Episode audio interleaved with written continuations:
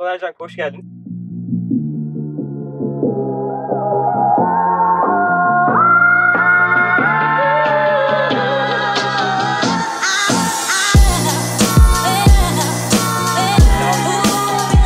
Nereden başlayalım? Şimdi Ana başlık e, Bitcoin, blockchain ve fintech. tek tek girelim. Hepsi böyle Aynen. ayrıca ayrı böyle heyecanlı ve güzel Aha. konular. Ee, blockchain ile başlayalım. Ben, ben şu, şu soruyla başlayalım. Tamam. Yani çok Twitter'ınıza baktım. Epey bir temassız ve mobil ödeme ile ilgili bir gündem var gibi. Evet. O yüzden aslında e, temassız ve mobil ödemenin geleceği nereye gidiyor? Valla temas e, ödemelerle ilgili şunu söyleyeyim. Temassız Türkiye'de e, Avrupa'nın ilk uygulanan ülkesi oldu. 2006 yılında başladı. 10 senedir uyguluyoruz ama bir türlü yaygınlaşmadı. Neden? Çünkü temassız ödemelerin önündeki en önemli e, konu o bunun bir ekosistem işi olması ve ekosistemin aynı anda büyümemesiydi. Bir yanda post sayısı, bir yanda kart sayısı hepsi beraber büyümeliydi. Bankalar hep beraber reklam, iletişim, kampanya yapmalıydı. Bu olmadı. Olmadığı için de 10 sene der e, böyle iki ileri bir geri, iki ileri bir geri yürüdü. Ama şu anda geldiğimiz nokta ümit verici bir hale geldi.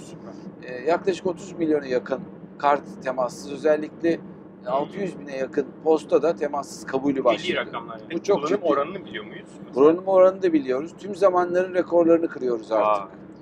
Dolayısıyla e, bu anlamda e, güzel gelişmeleri yaşıyoruz. Temassızın benim için en kutsal tarafı şu. En pahalı cüzdanlarda taşıdığımız, en havalı kartlarımızı bir anda karşı tarafa veriyoruz. Evet. Kasiyere. Kasiyerin de ödeme sürecini bozuyoruz. Perakendenin de iş akışlarını bozuyoruz. Biz de e, o anlamda karşı tarafa sorgusuz sualsiz bir şeyimizi emanet Evet. ediyoruz. Halbuki temassızda cüzdanınızdan çıkartıp kartınızı okuyucuya dokundurduğunuz anda o iş bitiyor. E, ve hızı da çok etkileyici tabii Evet. ki. Süreçler hızlanıyor, kasa süreçleri. Dolayısıyla benim için temassız ödemenin böyle hala gelecek vadeden ciddi bir önemi var. Benim orada iki dikey çok heyecanlandırıyor. Yani cebime kartı almadan telefonumla bu işi yapabiliyor olmam. Şimdi mesela Migros'a bir deneme yaptınız. Ee, ben Migros'a gittiğimde BKM Express'imle ödeyip çıkabiliyorum. Şimdi bunu ne kadar söyleyeyim bilmiyorum. Kerim de bizi izliyor bu arada. Kerim bütün bölümleri izliyor.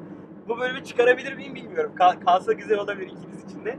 Şimdi bunu telefonumla ben ne zaman yapacağım? Yani gerçekten hiç kartım yanımda yok. Aa unutmuşum. Ya da gerçekten kart taşımıyorum. Telefonum cebimde. Türkiye'de temassız ödeyip geçme hikayesi için neyi bekliyoruz?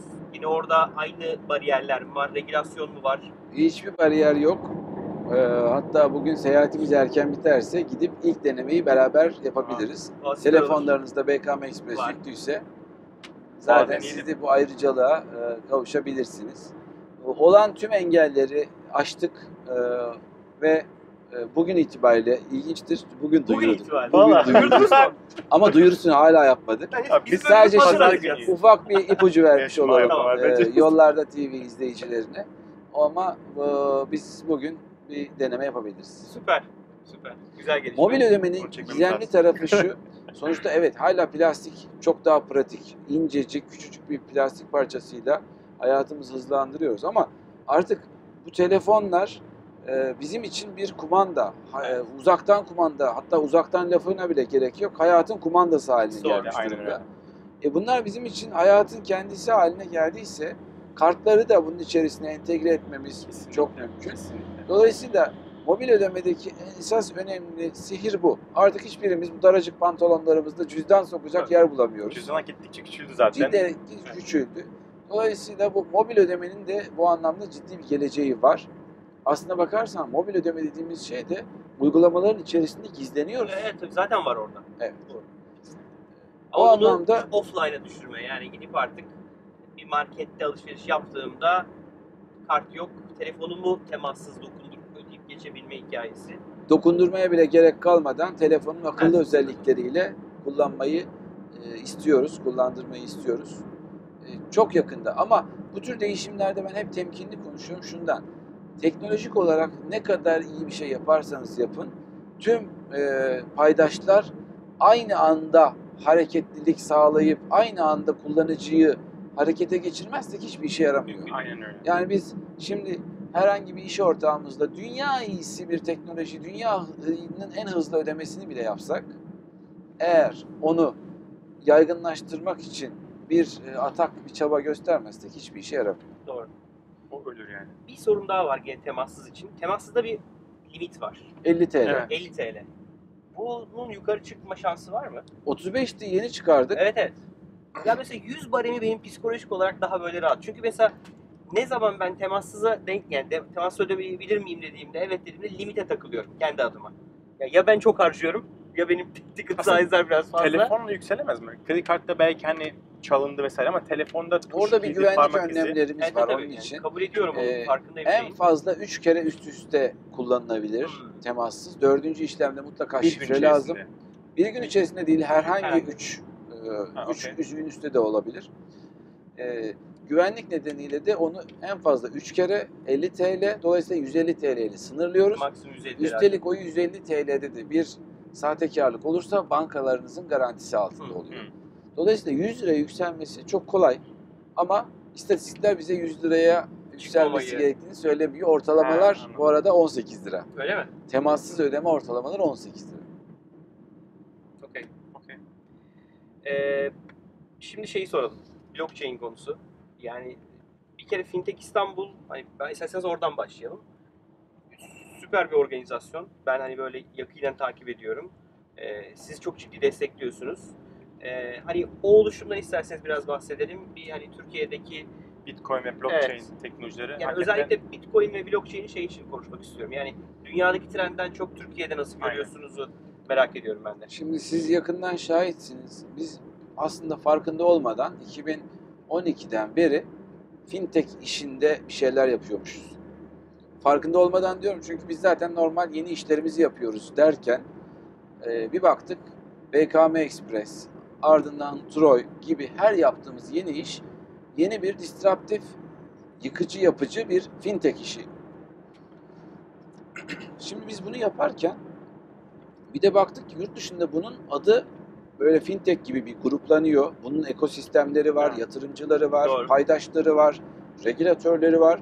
Ama biz burada kendi açımızda her- herkes kendi her koyun kendi bacağından asılır misali. Türkiye'de böyle bir ekosistem şekilleniyordu geçen seneye kadar. Dedik ki madem böyle e, organize olmayan bir ekosistem şekillenmesi var. Madem burada bir boşluk var. Biz de buraya entelektüel olarak bir katkı yapalım.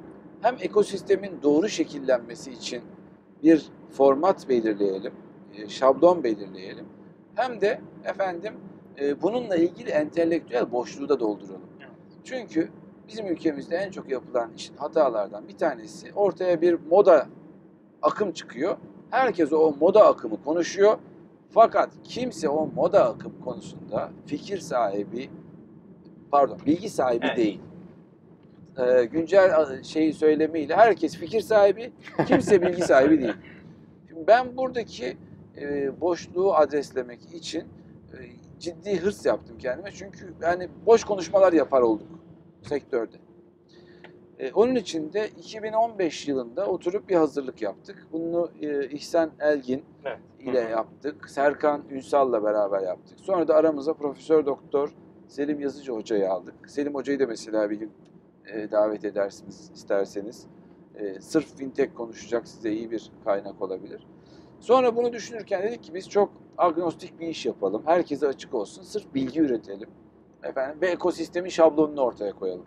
Zaten sevgili Serkan Ünsal biliyorsunuz. Evet, yani evet. bu ekosistemler, girişimcilik ekosisteminin şablonunu ortaya koymak konusunda mahir bir arkadaşımız.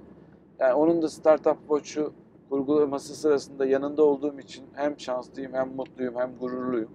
Dolayısıyla oradan da bir cesaret aldık. Serkan da bize o e, yolu gösterdi. Ve dedik ki hadi biz 2016'da Türkiye'de bir fintech ekosistemi belirleyelim ve bu ekosistemi bilgiye boğalım. Amacımıza ulaştık. 2016'da başında başladığımız fintech e, eğitimlerini Fintech İstanbul markasıyla markaladık. Evet. Ve 3 seri eğitim yaptık. İşte buna en son sizlerin ekiplerinden de katkılar oldu. 3 seri eğitimde 150'ye yakın arkadaşı sertifikaladık. Artık Türkiye'de 150 kişi ben fintech eğitiminden formal olarak geçtim diyebilecek olgunluğa erişti. Buraya gelmeden önce e, bir telefon aldım. Kurumsal olarak e, fintech eğitimleri isteyen, kapalı Harika. devre fintech iste- eğitimleri isteyenler var. Çok güzel bir gelişme. Dünyanın birçok ülkesiyle fintech işbirliği anlaşmaları imzaladık. Bunlara gidiyoruz, geliyoruz, bilgi gönderiyoruz, bilgi alıyoruz. Hem İngilizce hem Türkçe dokümanlar ürettik. Hepsini web sitemize koyduk. Telif hakkı olanları bastık. Ücretsiz olarak 1 liralık bir bağışla bile hediye ediyoruz. Süper. Bugün size 5-6 tane getirdiğimi düşünürsek biraz bağış yapacaksınız. tamam. E, dolayısıyla bizim dört amacımız vardı. Dördünü de eriştik. Dedik ki eğitim vereceğiz, network sağlayacağız, uluslararası işbirlikleri yapacağız ve içerik üreteceğiz. Hepsini yaptık. O açıdan ben üstüme düşen görevi fazlasıyla yapmış olmanın verdiği huzurla e, Nadir konusunu- okuduğum mail bültenlerinden bir tanesi. Yani Harika. Fintech İstanbul'un bültenlerini yani çok bülten geliyor. Ama yani unsubscribe olmadığım nadir bültenlerden ve kontenti de geldiğinde okuyamıyorsam bile beklettiğim mutlaka boş vakitte okuyup bir bülten. Burada o zaman editörümüz Ahmet Usta'ya da kredi Var. verelim. eline sağlık yani çok teşekkür ederim. Gerçekten e, çok güzel içerikler çıkıyor. Valla işte iş böyle tamamen tutkuyla yaptığımız bir iş olduğu için ve hiçbir kar beklentisi, ticari bir amacımız olmayan bir iş olduğu için herkes dört elle sarılıyor. Herkesin katkısı çok güzel. Dolayısıyla fintech işinde Türkiye'de e, böyle bir maceramız oldu, böyle bir hikayemiz var. Geldiğimiz noktada beni en çok keyiflendiren şey şu. Google.com.tr'ye girdiğinizde fintech yazıyorsunuz. Birinci sırada Fintech İstanbul.